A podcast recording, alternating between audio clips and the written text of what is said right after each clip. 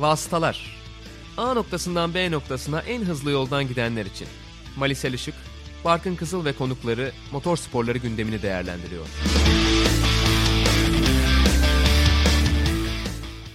Vasıtaların 39. bölümüne hoş geldiniz. Malisel Işık'la beraber. Bugün İstanbul Parkı ve geçirdiğimiz hafta sonunu genel olarak konuşacağız elbette.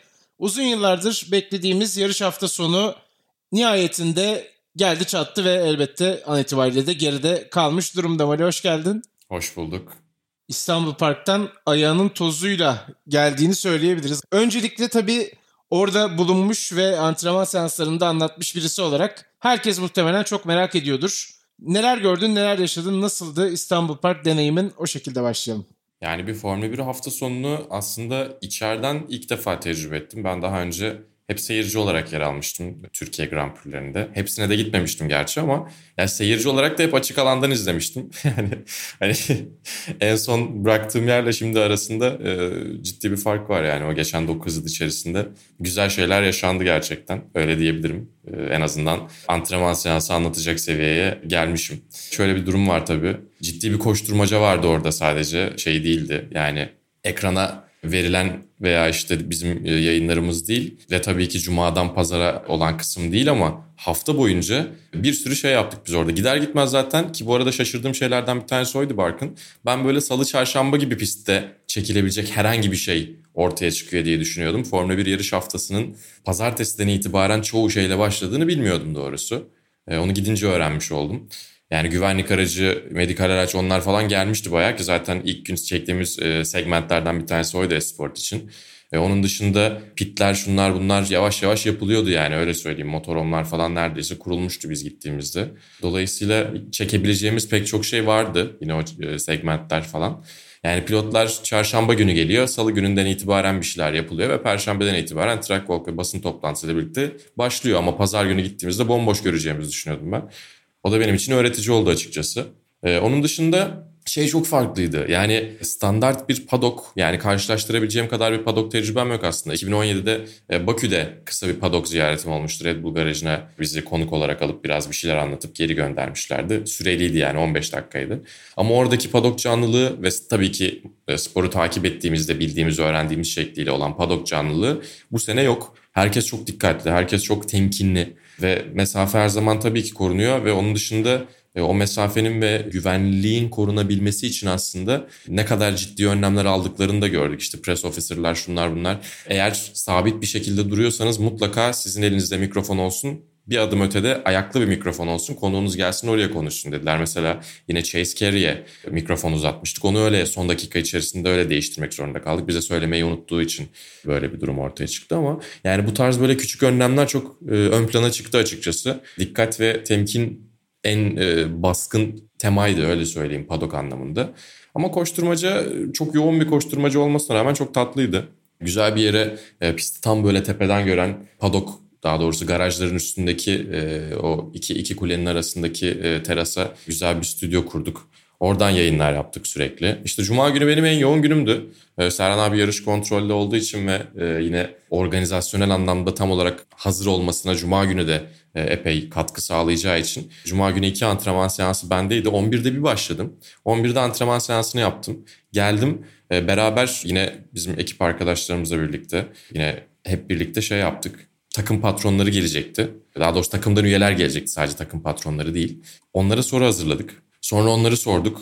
Onlar bittikten hemen sonra çıktık tepeye program yaptık. Oradan sonra ben ikinci antrenmanlara koştum. Dönünce bir program daha yaptık. Sonra bir yere canlı bağlandık. Bir yerlerde bir şeyler konuştuk falan. Böyle sürekli gün dolu geçti. 11'den 18'e kadar sürekli bir şeyler yaptım. En yoğun gün cuma günüydü benim için.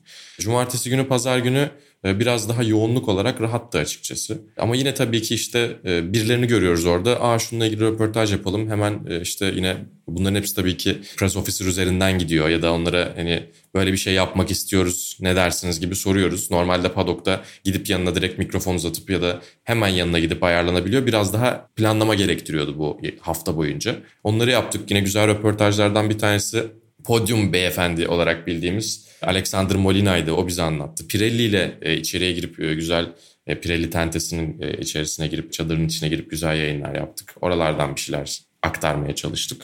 Ya pek çok şey yaptık yani hani yakalayabildiğimiz kadar iş çıkarmaya çalıştık. Onun dışında zaten hep birlikte bir ekip olarak e, güzel çalıştık. Çağla Özgü Özkul'la, Deniz Aksoy'la, Sera Kaynaklı o bize birkaç gün sonra geldi ama sonradan güzel asiste etti. Bir iki güzel röportajla birlikte. Fatih Altaylı ve Chase Carey röportajlarını o yapmıştı. Ya güzeldi koşturmaca e, açıkçası bizi tatmin etti diye düşünüyorum. Ama bir taraftan da keşke devam edecek bir şey olsa. Çünkü ilk defa yaptık aslında Esport ekibi olarak. Ve bu tecrübenin üstüne koyarak çok daha e, iyi işler yapabiliriz diye düşünüyorum. Ama tabii ki bunun için Türkiye Grand Prix'sinin e, devamı lazım. Yarışı da yine e, yukarıdan takip ettim ben, stüdyomuzdan takip ettim. Onun dışında yalnızca üçüncü antrenmanları canlı izledim. Yani sıralama turlarında da aşağıdaydım çünkü e, elenenler yine e, Medyapen'e röportajlara geliyorlardı. Onun için yine birlikte çalışıyorduk. Deniz vardı orada. Aşağıdan takip ettim. Yukarıdan araçların aksiyonunu aslında yalnızca iki seansta e, FP3'de ve yarışta izledim. Ama keyifliydi. Yani bir kere zaten sadece göze değil kulağa ve buruna da hitap ediyor. Yani o padok'un kokusu işte lastiktir, asfalttır, çeşitli kimyasal malzemelerdir. Bunların hepsi zaten çok keyifli. E, ses olarak da e, ne olursa olsun hani hep tartışılıyor yeteri kadar yüksek değil ses eskisi gibi değil diye ama e, yine de tabii ki dünyanın en güzel seslerinden bir tanesi. E, öyle düşününce keyifli, e, yorucu tabii ki ama e, bir taraftan da çok keyifli bir yarış haftasıydı. Bir taraftan tabii ben çok uzun zamandır böyle bir tempoyu bu kadar insan içine çıkarak da aynı zamanda yapmadım. Belki ilk günler biraz ona alışması zordu. Ama keyifliydi ya ben tatmin oldum açıkçası ve ve tabii ki yani tarihi bir yarış hafta sonu olmasını hem bekliyorduk hem de bu kadar farklı yönlerden tarihi ve hatırlanacak bir yarış hafta sonu olmasını da beklemiyorduk. O açıdan yani bir seyirci olarak da gayet güzeldi, keyifliydi diye düşünüyorum. Ama dediğim gibi yani keşke devamı olsa. Az önce bahsederken umarız işte umarım devamlılığı olur dedin. Aslında iyi yorumlar da geldi. Yani genel değerlendirmelerde buradaki Türk yetkililerin de çalışmasından çok memnun olduğunu ifade eden birçok yönetici oldu ve aslında çok kısa bir zamanda hazırlandığımız için böyle bir organizasyona bazı ufak tefek aksaklıkların beklenebilir olması herhalde çok anlayışla karşılanması gereken bir durum. Onlardan bir tanesi de belki pistin zeminiydi diyebiliriz. Elbette hafta sonunun ana gündem maddelerinden bir tanesi o oldu. Çünkü yarış hafta sonu yani neredeyse her gün yağmur gördük gibi bir şey oldu. İşte cuma antrenmanları dışında ki o günde zaten asfaltın ilk kullanılmaya başlandığı gün olduğu için yağış olmamasına rağmen galiba bir de pist üzerinde ıslaklıklar vardı.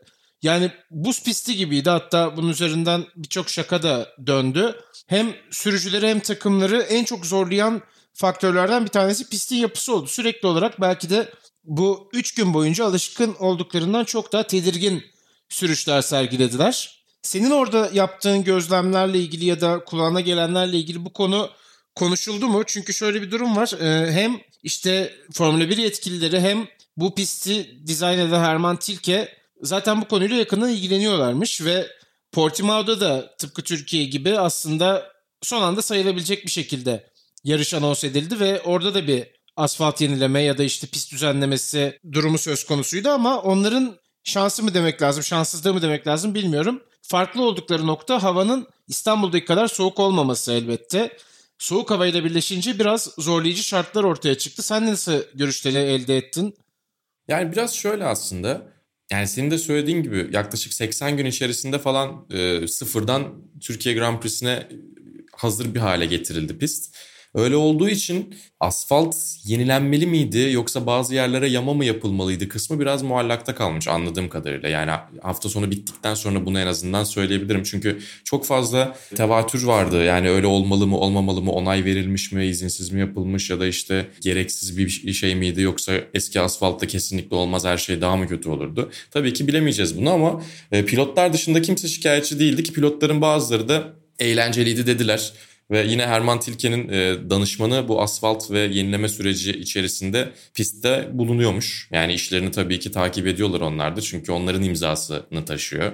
E, böyle olduğu için çok kendi başımıza yaptığımız bir şey değil aslında bu. Bir de dediğim gibi pilotların e, itiraz etmesi de biraz işin belirsizliğiyle alakalıydı. Yani önümüzdeki yıl eğer yine Serhan abi de aynı şeyi söylemişti. Herkes de aynı şeyi söylüyor. Önümüzdeki yıl Türkiye Grand Prix'si takvimde olursa bir şekilde en iyi asfaltlardan bir tanesi orası olacak.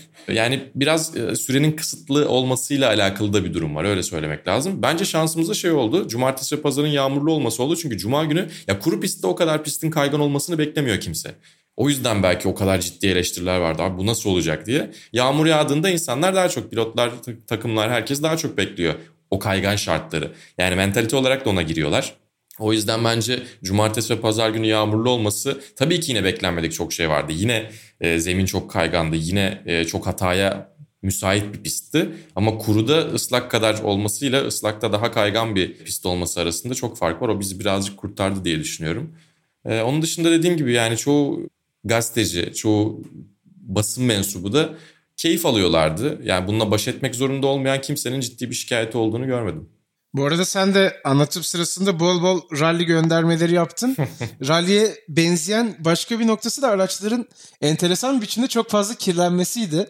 Ee, hatta hmm. Roman Grosjean'ın bir paylaşım vardı işte aynasının aldığı hale atmış böyle 4x4 arazi aracıyla sanki şöyle bir turlayıp gelmiş gibiydi.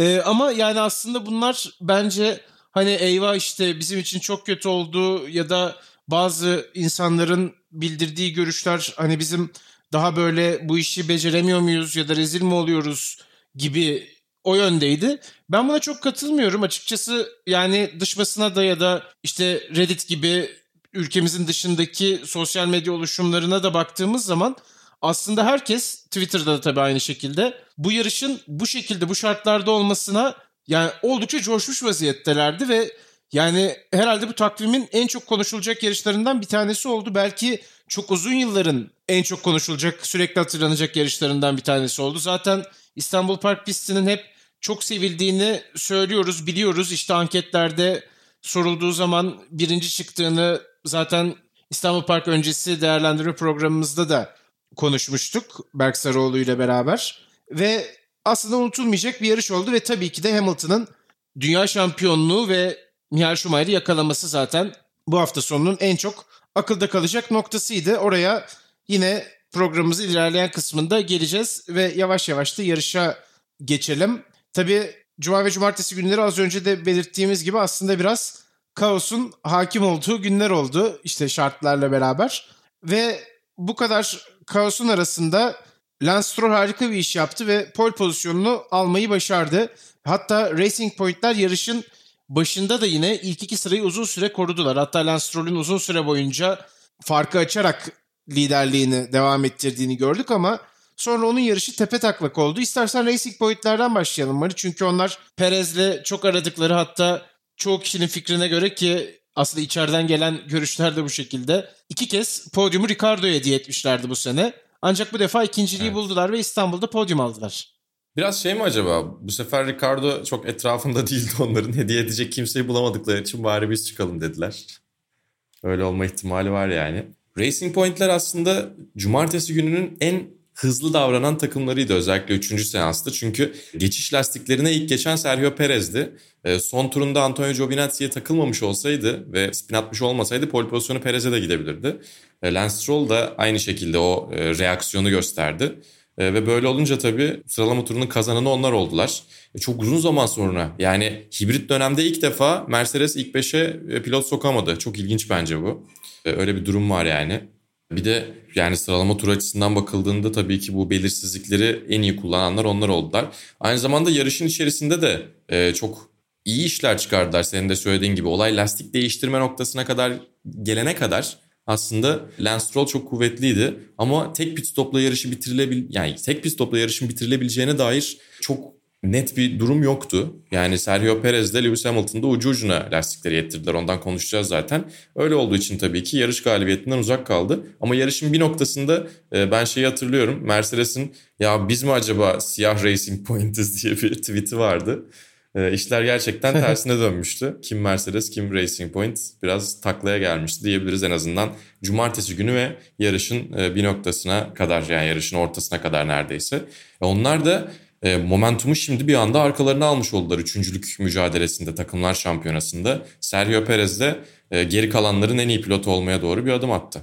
Tabii Perez'in önümüzdeki yıl herhangi bir takımla sözleşmesi olmaması da enteresan bir durum. Yani gridin bu kadar istikrarlı, bu kadar hızlı pilotlarından bir tanesi olup şu anda açıkta olmak herhalde önemli bir sürpriz ve muhtemelen perde arkasında da herhalde kontrat sözleşmesi e, yani kontrat imzalamak için daha doğrusu görüşmeler yapıyordur diye düşünüyorum.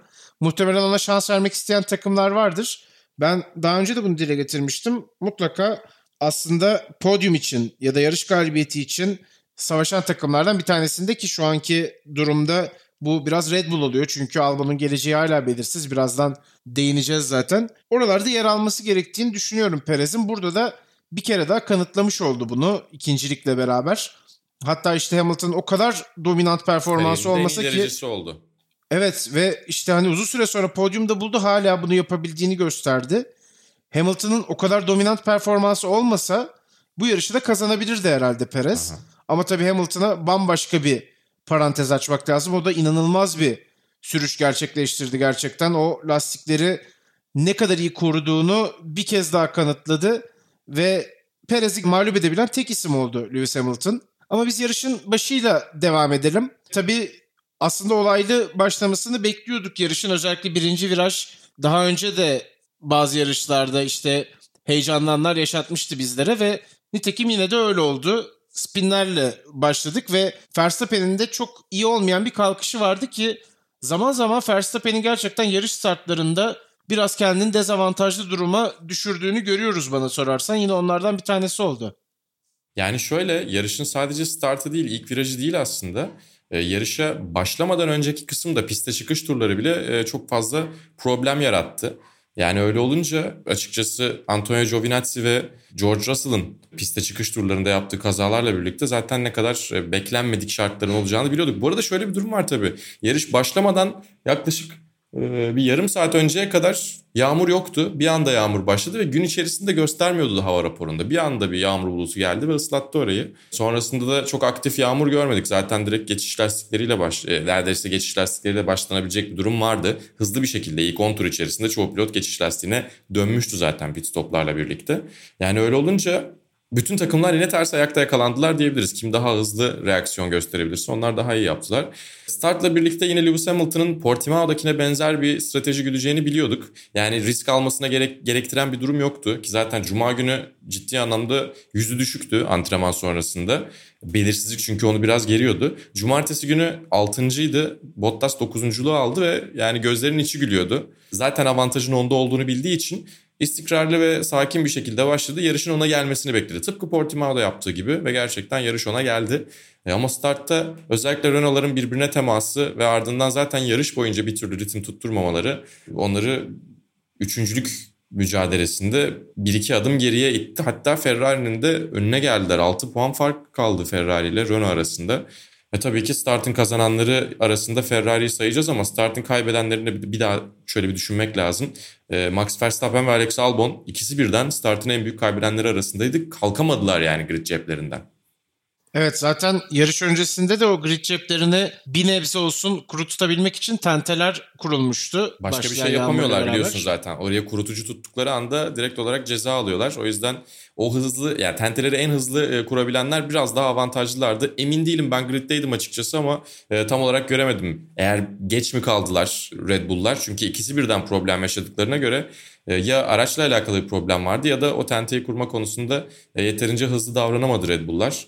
E, bizim çok e, kısıtlı bir alanımız vardı. Yere bir karton koydular ve bunun dışına çıkmayacaksınız dediler. Ben, Çağıl ve kameramanımız e, Aziz o şeyin içerisinde hareket edebiliyorduk. Çime tek ayak bile çıkamıyordu. Böyle bir değişik yerden yüksek oynar gibiydi. O yüzden çok fazla arkaya dönüp de bakamadım. Ben dönüp baktığımda zaten o tenteler kurulmuştu. O yüzden onu bilemiyorum açıkçası ama böyle bir ihtimal olma durumu da var. Ve yine de startın kaybedeniydi onlar. Sonra aslında ıı, spinler olmasaydı Verstappen'in 11. virajdaki o büyük tehlikeli de olabilecek spini ve e, Alex Albon'un yine ilk sektördeki spini olmasa e, daha iyi yerlerde bitirebilirlerdi diye düşünüyorum. Hatta podyum bile gelebilirdi. Tabii yarışın başında spin atan bir başka isim de Valtteri Bottas'tı ki sadece yarışın başıyla sınırlamadı kendisini. Rahat davrandı bu konuda. Bu yarışta Televizyonları yeni kez... açanlar için bir spin daha atıyorum diyerek. Evet evet yani kaçıranlar olduysa diye herhalde çok sevildi devamını getireyim dedi. 6 kez spin attı. Ben bir pilotun 6 kez spin attığını çok fazla hatırlamıyorum. Yani hiç hatırlamıyorum aslında. Bilmiyorum sen benden... Britanya Felipe Massa ama o bile 6 evet. olmayabilir emin değilim. 6 yani. olmayabilir muhtemelen. Yani asla ritmini tutturamadı ki biliyorsun Fin sürücüler için işte Finlandiya'nın yolları hem buzlu hem çok bozuk olduğu için aslında her şartta çok iyi araç kontrolü olduğundan bahsedilir. Ee, yani Bottas rally yapmayı da seven bir isim ama bu ona hiç yardımcı olmuş gibi gözükmedi ki Hamilton'ın bu kadar neredeyse kusursuza yakın bir hatası vardı sadece. Sürdüğü bir günde 6 kez spin atması aralarındaki uçurumu da bence bir kez daha gösterdi. Açıkçası bize Galis küfürler de ediyor yarış kazandıktan sonra ama kusura bakmasın ben onu eleştireceğim bu noktada. Yani 6 spin atmamanız lazım gridin en iyi otomobiliyle diye düşünüyorum. Yani hem öyle hem de açıkçası bu yarış hafta sonunun e, anahtarı lastikleri ısıtabilmek, lastikleri çalıştırabilmekti. E, Hamilton tabii ki söz konusu lastik olduğu zaman en iyi çalışan isimlerden bir tanesi gerçekten. Eğer lastikleri ısıtması gerekiyorsa ısıtabiliyor, lastikleri koruması gerekiyorsa koruyabiliyor. Lastikleri en iyi anlayan adamlardan bir tanesi. E, bence başarısında ön planda olmayan ama çok önemli unsurlardan faktörlerden bir tanesi bu. Ve lastiklerini ısıtamayanlar problem yaşadılar. Ortada görünmediler bile. Alfa Tauri'ler onlardan iki tanesiydi. Bottas yine onlardan bir tanesiydi. E öyle olunca da e bir kere ritmi kaybediyorsunuz. Zaten ritmi olmayan bir yarış, ritmi olmayan bir hafta sonu. E yani hiç bir e, metronomsuz bir şekilde e, götürdüğünüz bir hafta sonu. E bir de yarış öyle başlayınca zaten geridesiniz. Zaten risk alıp başlamanız gerekiyor ki e, Bottas için konuşuyorum. Hamilton'ın önüne geçip topu onun sahasına atsın. Öyle olmadığı için ya bir şeyler ters gitmeye başlayınca onu çevirebilecek bir e, mentalitede değildi. Ki Lewis Hamilton da yarış kazandıktan sonra yine bu yarış özelinde de söyledi ama e, hiçbir zaman piste çıktığımda ya bugün yapamayacağım demiyorum. Hep son sırada bile olsam saçma bile gelse, e, salakça bile gelse ya yapabilirim diyorum kendime diyordu. Belki o e, mental farklılıkta aradaki 7 şampiyonluk farkını ortaya koyuyordur. Evet zaten yarışı bitirdikten sonra pit alanına gelirken de işte çocuklara, gençlere sesleniyorum. 7 şampiyonluk siz de yapabilirsiniz gibi bir cümlesi vardı. Biraz naif Aslında ama tatlı. Onun, ya evet ama kafa yapısını gösteren bir cümle sonuçta. Yani imkansız yoktur diye düşünmek istiyor ve bu da ona bence yardımcı oluyor. Çünkü her türlü şarttan yarış kazanabildiğini gördük. Kariyerinde daha önce 14. cepten başlayıp yarış kazanmışlığı da var. İşte 10 kezin üzerinde ilk çizginin dışından yarış kazanmış. Ve burada da yine aslında çok zorlayıcı şartlarda ki Mercedes'in ilk kez belki de yıllar sonra favori gözükmediği bir koşul penceresinin içinde diyelim ya da bir pistte kazanmayı başardı. Ve senin dediğin gibi lastikleri yarışın ortasından sonra pite girmeden slick lastiğe çevirdi. Müthiş o da enteresan anlardan yani bir tanesiydi. Ne gerek var slick lastiğe? Ben bunları birazcık daha aşındırırım, silik hale çeviririm dedi. 51 tur gitti Barkın lastiklerle. İnanılmaz bir şey bence. Yani Perez'i evet. takdir etmek gerekiyor. Ama Lewis Hamilton'a inanmakta güçlük çekiyoruz. 51 tur gidebilecek bir lastik değil o zaten. Ve Sergio Perez bir tur daha devam etsek lastikler patlardı demiş. Yani yine e, Lewis Hamilton'ın galibiyetine e, girmeden önce aslında biraz e, lastik stratejisini ve kimin doğru zamanda geçiş lastiklerine geçtiğini de konuşalım. Biraz Ferrari'den bahsedelim, biraz övelim onları hatta. Evet Ferrari Mattia Binotto'nun yokluğunda bambaşka bir takım hüviyetine büründü enteresan bir şekilde. Yani tabii biraz işin şakası ama ne olursa olsun çok iyi bir yarış hafta sonu geçirdi Ferrari. Bunu da ne kadar uzun süredir söylemiyorduk. Açıkçası ben hatırlayamıyorum. Ee, belki en son geçtiğimiz yıl işte Monza'da veya Spa'da söylemiş olabiliriz. Enteresan olan e, yani hem sürüş olarak çok iyiydi Ferrari. Vettel'in inanılmaz startı zaten ona çok fazla sıra kazandırdı avantajlı pozisyona soktu kendisini. Sonrasında Leclerc arkada zorlanırken Ferrari cesur bir karar aldı ve ilk kez geçiş lastiklerine geçmek için pit stop yapan takım oldular. Bunu da çok uzun süredir görmüyorduk. Biz genelde Ferrari'nin biraz hatalarından bahsediyorduk. İşte pit duvarının çok doğru kararlar verememesinden hatta yer yer işte gerek Vettel'in gerek Leclerc'in kendi inisiyatifleriyle daha doğru karara uzanmalarından bahsediyorduk. Bu defa öyle bir durum olmadı. İlk e, yeşil lastikleri daha doğrusu yeşil damgalı mı demek lazım lastikleri. Yeşil logolu galiba. Yeşil logolu lastikleri, geçiş lastiklerini Leclerc'le denedi Ferrari ve öncü oldu. Diğer takımlarda hemen onların hızlandığını görerek onları takip ettiler. Zaten günün sonunda da neredeyse çifte podyumda gelebilirdi herhalde. Yani ikinci sıra muhtemelen Ferrari'ye gelebilirdi. Çok yüksek bir ihtimaldi bu. Leclerc biraz fazla agresif davrandı. Sonrasında da Vettel ondan üçüncülüğü aldı. Ne olursa olsun Ferrari bir podyum yakalamış oldu. Bir de dördüncülük. Tabii bunun önemi biraz da aslında takımlar şampiyonasına baktığımız zaman ortaya çıkıyor. Hala 6. sırada Ferrari ama sezonun artık son 3 yarışına geldiğimiz bu dönemde en azından 3. sıradaki Racing Point'te farkı 24 puana kadar indirmiş oldular. Belki işte bundan sonra bizi bekleyen pistler özellikle Bahreyn'deki ikinci yarış çok Ferrari'ye uygun olmayabilir. Onu bilmiyoruz.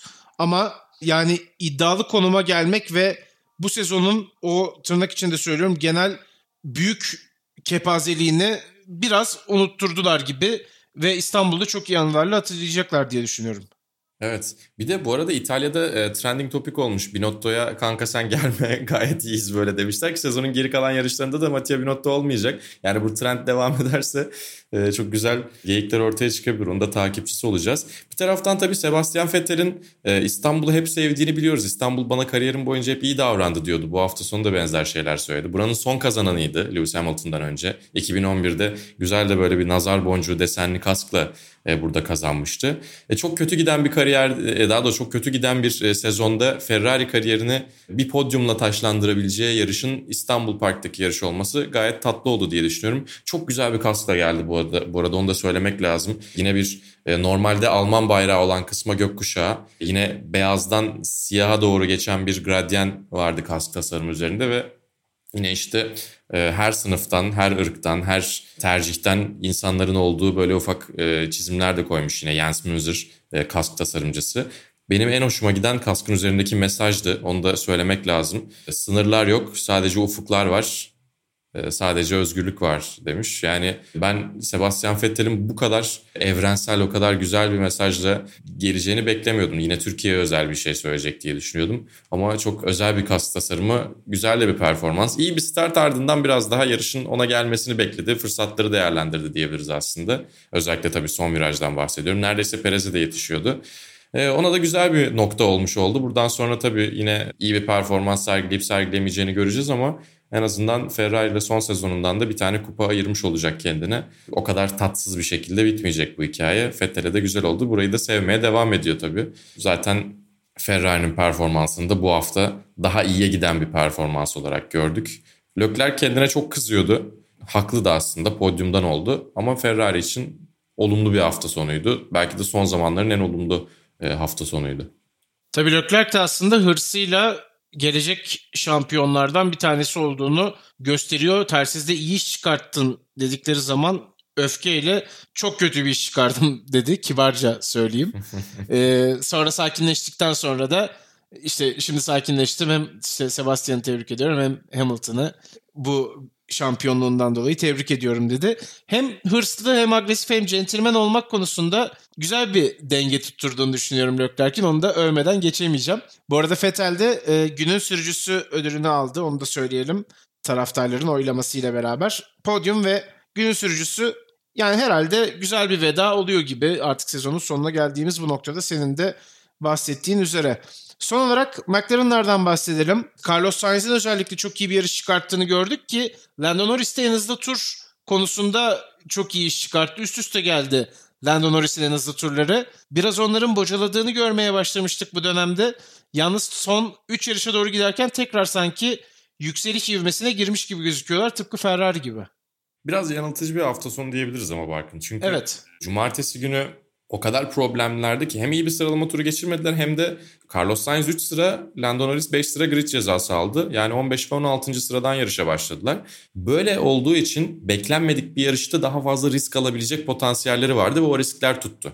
Dolayısıyla ben bunu yine çok olumlu bir e, yarış hafta sonu olarak yazmıyorum McLaren'a ama yükselişlerini de takdir ediyorum bir taraftan. Çünkü e, yani güzel yükseldiler. Sainz 5. bitirdi. Neredeyse Leclerc'e yetişiyordu bu arada. Yani o üçlü mücadele son düzlükte dörtlü oluyordu gibi Leclerc'in arkasına kadar gelmişti. Lando Norris de 8. sırada bitirdi. Yani yine bu hafta sonu performanslarının daha yukarısında puanlar aldılar. E, ama geri kalan yarışlarda ne yapacaklarını göreceğiz. Yani Racing Point şimdi rüzgarı arkasına alan takım gibi duruyor. Onların avantajına Renault biraz ters ayakta kaldı. Yine Renault'un açıkçası istikrarsızlığı tekrar ortaya çıkıyor gibi görünüyor. Aslında biraz Daniel Ricciardo'ya da bağlı bu performans öyle söylemek lazım. O Esteban Ocon etkisiz elemana yakın işler yapıyor. Ve öyle olduğu için e, şimdi McLaren'ın derdi e, Racing Point. E, onların geri kalan yarışlarda ne yapacağını göreceğiz. Ama Racing Point 154 puanda, McLaren 149, Renault 136, Ferrari 130. Keyifli bir üçüncülük mücadelesi 3 üç yarışta bizleri bekliyor olacak. Ve artık hafta sonunun kahramanına, çağımızın kahramanına geçelim. Lewis Hamilton Formula 1 tarihinin en çok yarış kazanan, en çok pole pozisyonu olan ve artık Michael Schumacher ile beraber en çok şampiyon olan pilotu. Ve çok da yakıştı aslında İstanbul'a. Biz bu ihtimalden sık sık bahsediyorduk. Bizi heyecanlandıran bir ihtimaldi bu. Hamilton'da biraz dargın başladığı İstanbul Park macerasını aslında muhtemelen ömrü boyunca unutmayacağı bir şekilde noktayı koymuş oldu. Zaten sen de söylüyorsun işte onun ruh halinin çok değişiklik gösterdiğinden bahsediyorsun.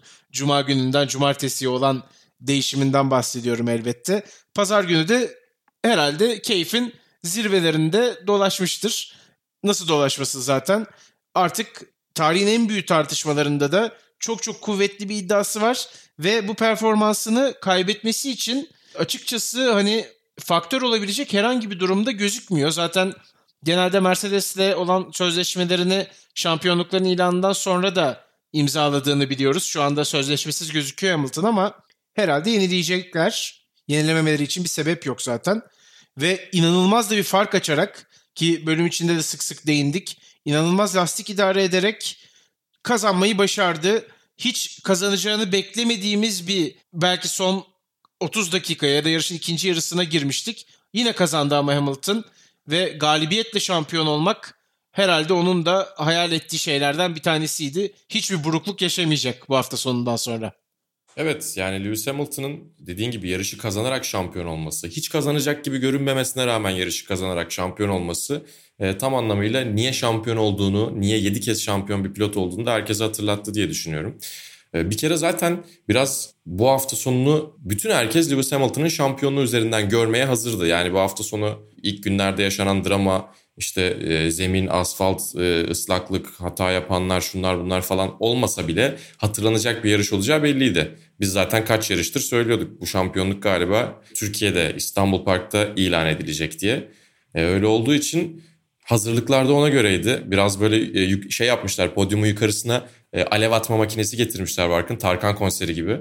E, onlar falan hazır bekliyordu. E, kocaman tabii şey yaptılar. LED ekranlar falan kurdular. Onların hepsi tabii ki Lewis Hamilton'ın şampiyonluğuna e, hazırlanıyordu. Podyumda zaten evet artık ekranlı şeye geçildi. Ki ondan da bahsederim. E, Sebastian Vettel'le Sergio Perez'in bayrakları tersti. Ama dijital olduğu için tabii ki tık diye düzelttiler onu. Kamerayı birazcık yakın görerek e, Lewis Hamilton'ı keserek.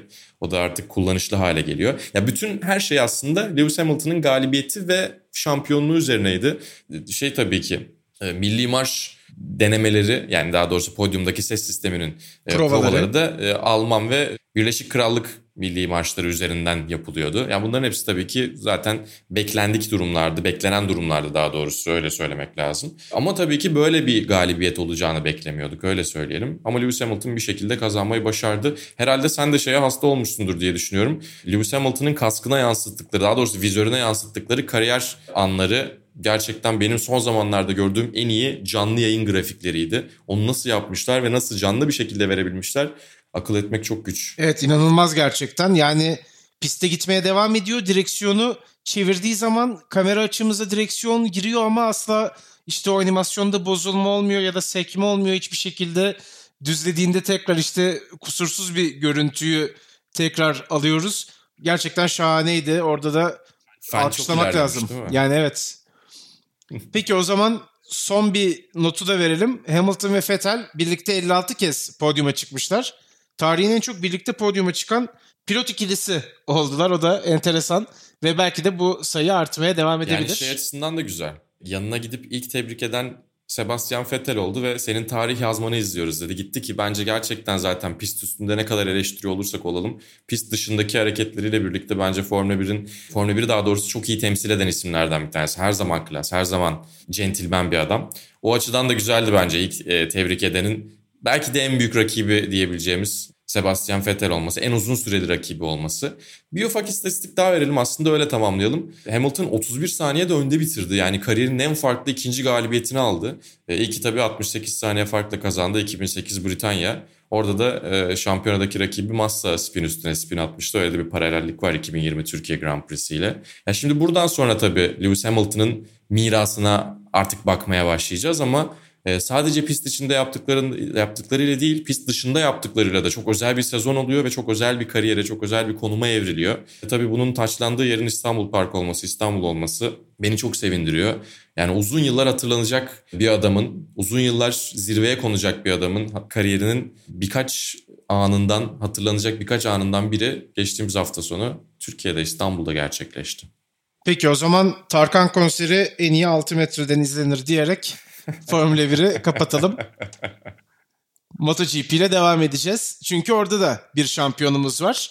Joan Mir Moto3 gridinden 5 sezon içinde MotoGP şampiyonluğuna uzanan bir yolculuk çıkarttı ki Rossi ve Marquez gibi isimlerin önüne geçen bir istatistik anlamına geliyor bu. Tabii bu sene Mark Marquez'in olmayışının da büyük bir etkisi var. Tek bir yarış kazanarak Joan Mir şampiyon oldu Mali. Sezon devam ediyor ama bir yarış galibiyeti daha alır mı almaz mı tabii onu bilmiyoruz. Enteresan bir şampiyonluk hikayesi. Senin defalarca dediğin gibi kimsenin şampiyonlukta gözü olmayan bir sezon ama Joan Mir kendi evinde İspanya'da Valencia'da kazanmayı başardı ve artık yeni bir şampiyonumuz var ama o şampiyon da İspanya'dan çıktı enteresan bir şekilde.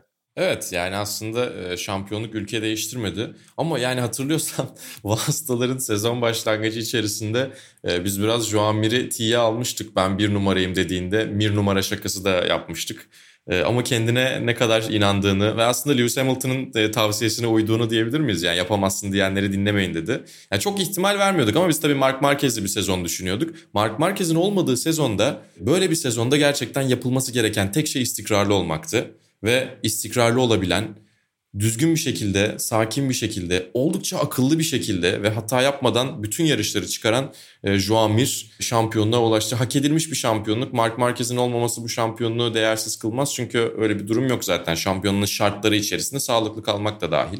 Düşmeseydi, kırmasaydı kolunu yapacak bir şey yok yani. Mark Marquez tamam çok büyük pilot. Olsaydı büyük ihtimalle 5 yarış kala falan şampiyonluğu ilan edebilirdi. Ama olamamasının sebebi de kendini fazla zorlaması neticede. O da bu sezon güzel bir düşünecektir diye düşünüyorum. Sezonu kapattı tabii hiç geri dönmeyecek. Bu sezon neler yaptığını ve neler yapmaması gerektiğini de biraz görecektir. İlk kez çünkü aslında e, Premier sınıfa çıktıktan sonra bu kadar e, uzak kaldı. Yani 2015'te de evet şampiyonluk potasından uzak kalmıştı ve oradan ciddi sonuçlar çıkarmıştı. Oradan ciddi dersler çıkarmıştı ve artık birincilik ya da e, çakıl havuzu mentalitesinden uzaklaşmıştı. Yani öyle olduğu için de Mark Marquez'in çok daha güçlü döneceğini söyleyebiliriz. Ama Mark Marquez e, şu anda konuşmamız gereken adam değil. Şu anda konuşmamız gereken adam Juan Mir. 20 yıl sonra ilk kez bir Suzuki sürücüsü şampiyon oldu. 20 yıl önce dediğimiz şeyde 2000 yaşlanıyoruz Park'ın Kenny Roberts Jr. 500 cc'de şampiyon olmuştu Suzuki ile birlikte. Ben şeyi merak ediyorum. Bir numarayı kullanacak mı acaba Juan Mir? Çünkü motorsporlarında hasret kaldığımız bir numara haline geldi. E, bir de senden bir daha Mir numara alabilir miyiz? Hadi yap Başak. Evet bakalım Mir numarayı kullanacak mı? diyelim o zaman. ee, yarışta da... Yine son yarışı da şöyle söyleyelim mi? İstiyorsan sen e, şey yap, anlat yarışı. Ee, yok yani aslında podyum paylaşacaktım. Zaten yavaş yavaş süremizi de dolduruyoruz. Morbidelli Miller Espargaro podyum oldu. Tabii burada enteresan hani şampiyonluk mücadelesi içinde olan isimlerin kötü performans verdiğini görüyoruz. Aslında belki onu değerlendirebiliriz. Morbidelli hariç diyelim tabii ki. Evet yani Morbidelli dışında. Quartararo düştü. Vinales 10'uncuydu. Bayağı kötü performanslar ki onların istikrarsızlığı zaten rahatlıkla gidebilecekleri bir şampiyonluktan hem Quartararo'yu hem Vinales'i uzaklaştırdı. Bu ikili önümüzdeki yıl Yamaha fabrika takımında yarışacaklar. Morbidelli ile Rossi de e, Petronas Yamaha'da yarışacaklar. Yani en iyi Yamaha ikilisi hangisi diye oturur bayağı uzun süre tartışırız ve bu tartışmadan Quartararo ve Vinales galip çıkmaz büyük ihtimalle. Sezon başında konuşulanları düşününce de bu söylediğin enteresan geliyor kulağa herhalde. Ve tabii Türk yarışçılarımızdan bazı haberlerimiz var. Onlarla bitireceğiz. Deniz Öncü Moto3'te 6. sırayı alarak kariyerin en iyi derecesini elde etti. O da tabii ki her zaman söylüyoruz iyi sonuçlara gidebilme potansiyeli olan bir isim ama hala öğrenme sürecinin devam ettiğinden bahsediyoruz. Umur, umuyoruz ki önümüzdeki sezon artık podyumlar da gelmeye başlar. Altıncılıktan da ötesini görmesini tabii ki diliyoruz. Sevgili Deniz Öncü'nü kendisini de tebrik ederim. Öte yandan çok da bizi mutlu etmeyen bir haber maalesef e, Bahreyn'de gerçekleşen Dünya Dayanıklılık Şampiyonası yarışında geldi. Bu sezon iki kez Bahreyn yarışı Dünya Dayanıklılık Şampiyonası takvimindeydi ve ikisi de sevgili Salih Yoluç ve takımının canını sıktı. İlk yarıştan puansız ayrılmışlardı yarışı tamamlayamayarak. Bu yarışta da yarışın son saatine şampiyon olacak pozisyonda girmelerine rağmen bir mecburi fren değiştirme yapmaları gerekti ve fren değiştirme işlemi de bir dakikanın üzerinde sürüyor hemen belirtelim. Tek bir rakipleri vardı şampiyonluk ihtimali devam eden. O rakipleri de AF Corse Ferrari'ydi ve maalesef Salih Yoluç ve takımını geride bıraktılar. Şampiyon olmayı başardılar. Ama tabii şunu da söylemekte fayda var. Salih'in bu sezon Le Mans 24 saati kazandığını hatırlatalım. Motor sporlarının en büyük 3 yarışından bir tanesi olduğu kesin. En büyük yarışı mı değil mi? Onu tartışmaya açabiliriz ki yani en büyük yarışı olduğunu ben düşünüyor olabilirim sanırım. Aslında ondan da bahsetmek lazım çünkü sezon kapandı. Evet yani senin de söylediğin gibi Salih için çok iyi bir sezon oldu. E, keşke şampiyonluk da gelseydi daha iyi bir sezon olabilirdi. Ama bu sezonu kesinlikle tarihi sezonlardan biri olarak hatırlayacağız. Özellikle Le Mans 24 saat galibiyetiyle birlikte. E, önümüzdeki yıllarda üstüne koyarak o performansı sergilemeye devam edecektir. Tabii Salih. Dünya Dayanıklılık Şampiyonası'nda LMP1 devrinin kapandığını da hatırlatalım. Bu da şampiyonaya hareketlilik getirecek. Toyota'nın bir süredir dominasyonu vardı. Tek başına yarışıyordu diyebiliriz. Hibrit olan tek marka olarak Toyota Gazoo Racing takımı. Önümüzdeki yılla beraber hiper otomobiller dahil olacak ve birçok markanın da şampiyonaya dahil olmasını bekliyoruz. Bu değişiklikler çerçevesinde dolayısıyla Dünya Dayanıklılık Şampiyonası güzel sezonlar vaat ediyor bizlere ve elbette Salih de orada bizi temsil etmeye, yarışmaya devam edecek. Umuyoruz ki şampiyonlukta gelecek yine Salih Yoluç için. Son bir haberimiz var o da GT4 Avrupa Şampiyonası'ndan ve Cem Bölükbaşı'ndan elbette. Orada da sezon tamamlandı. Cem Bölükbaşı kategorisinde 3. sırada sezonu noktalarken Paul Ricard'daki ilk yarışta da kendi klasmanında Pro M'de ikinci sırayı almayı başardı. Yine iyi bir haber diyelim o şekilde tamamlayalım. İstanbul Park ağırlıklı konuştuğumuz bu bölümü. Ben Barkın Kızıl, Malis Elişik'le beraber Vasıtaların 39. bölümünde sizlerle birlikteydik. Bir sonraki bölümümüz Bahreyn yarış hafta sonunda olacak. Ve o bölümde görüşene kadar kendinize iyi bakın, hoşçakalın. Hoşçakalın.